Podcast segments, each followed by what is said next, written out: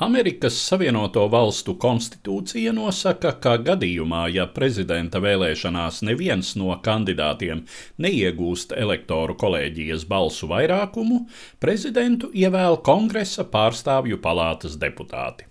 Šādā balsojumā katram štatam ir viena balss, kuru saņem tas kandidāts, par kuru balsojis vairākums attiecīgā štata kongresmeņu. Nu jau teju pusotru gadsimtu nopietnākie prezidenta amata pretendenti nāk nāk no divām partijām - demokrātiem un republikāņiem, un situācija, kad vairāk nekā 500 elektoru balsis sadalītos vienlīdzīgi starp diviem kandidātiem, ir maz ticama. Taču pagātnē, kad elektoru bija krietni mazāk, savukārt kandidātu mēdza būt vairāk, tā ir gadījies trīs reizes - 1800., 1824. un 1836. gadā. Šoreiz par vēlēšanām vēlēšanām, kas noslēdzās 1824. gada 1. decembrī. Gadi pirms šīm vēlēšanām Savienoto valstu vēsturē tiek dēvēti par labās saskaņas laikmetu. 1815. gadā izjuka Federālistu partija, un uz amerikāņu politiskās skatuves palika tikai viens nopietns spēks - toreizējā Demokrātiski republikāniskā partija. Šķita, ka iestājies politiskas vienprātības un vispār nacionāla izlīguma laiks. Tomēr jau drīz kļuva skaidrs, ka tā ir ilūzija ilūzija. Valsts šai laikā piedzīvoja pirmo nopietno ekonomisko krīzi, kas saistījās ar pārorientēšanos no agrāras uz industriālu ekonomiku, auga sociālā spriedze, iezīmējās pretrunas starp vergturu štatiem dienvidos un no verdzības brīvajiem ziemeļiem. Visu šo pretrunu ietekmē pagaidām vēl vienotā partija sāka dalīties frakcijās. 1817. gadā ievēlētais prezidents James Monroe centās izlīdzināt pretrunas, iesaistot frakciju līderus savā valdībā, taču tas tikai vairoja šo vīru ambīcijas.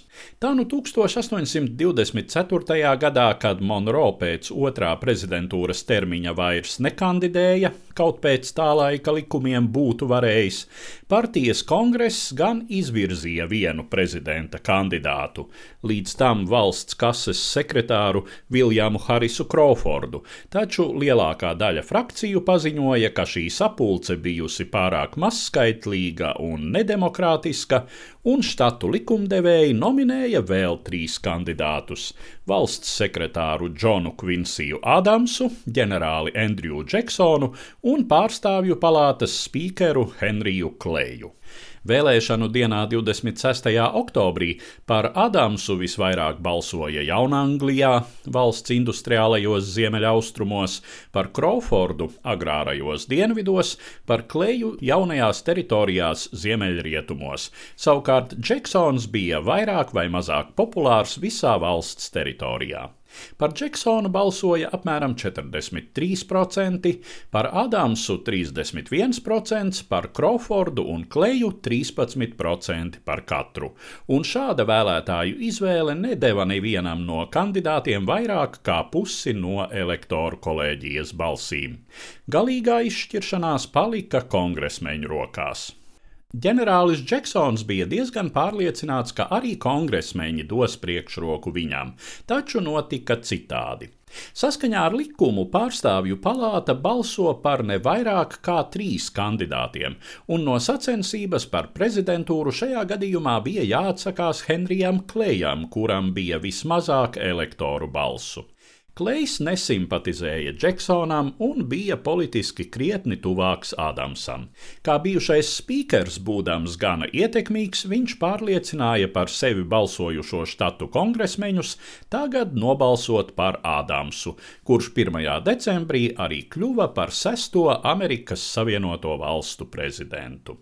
Šīs vēlēšanas izbeidza demokrātu republikāņu vienpartijas dominanti amerikāņu politikā, no partijas atšķēlās iestājās Andrew Džeksona frakcija un izveidoja jaunu, joprojām pastāvošo Demokrātu partiju.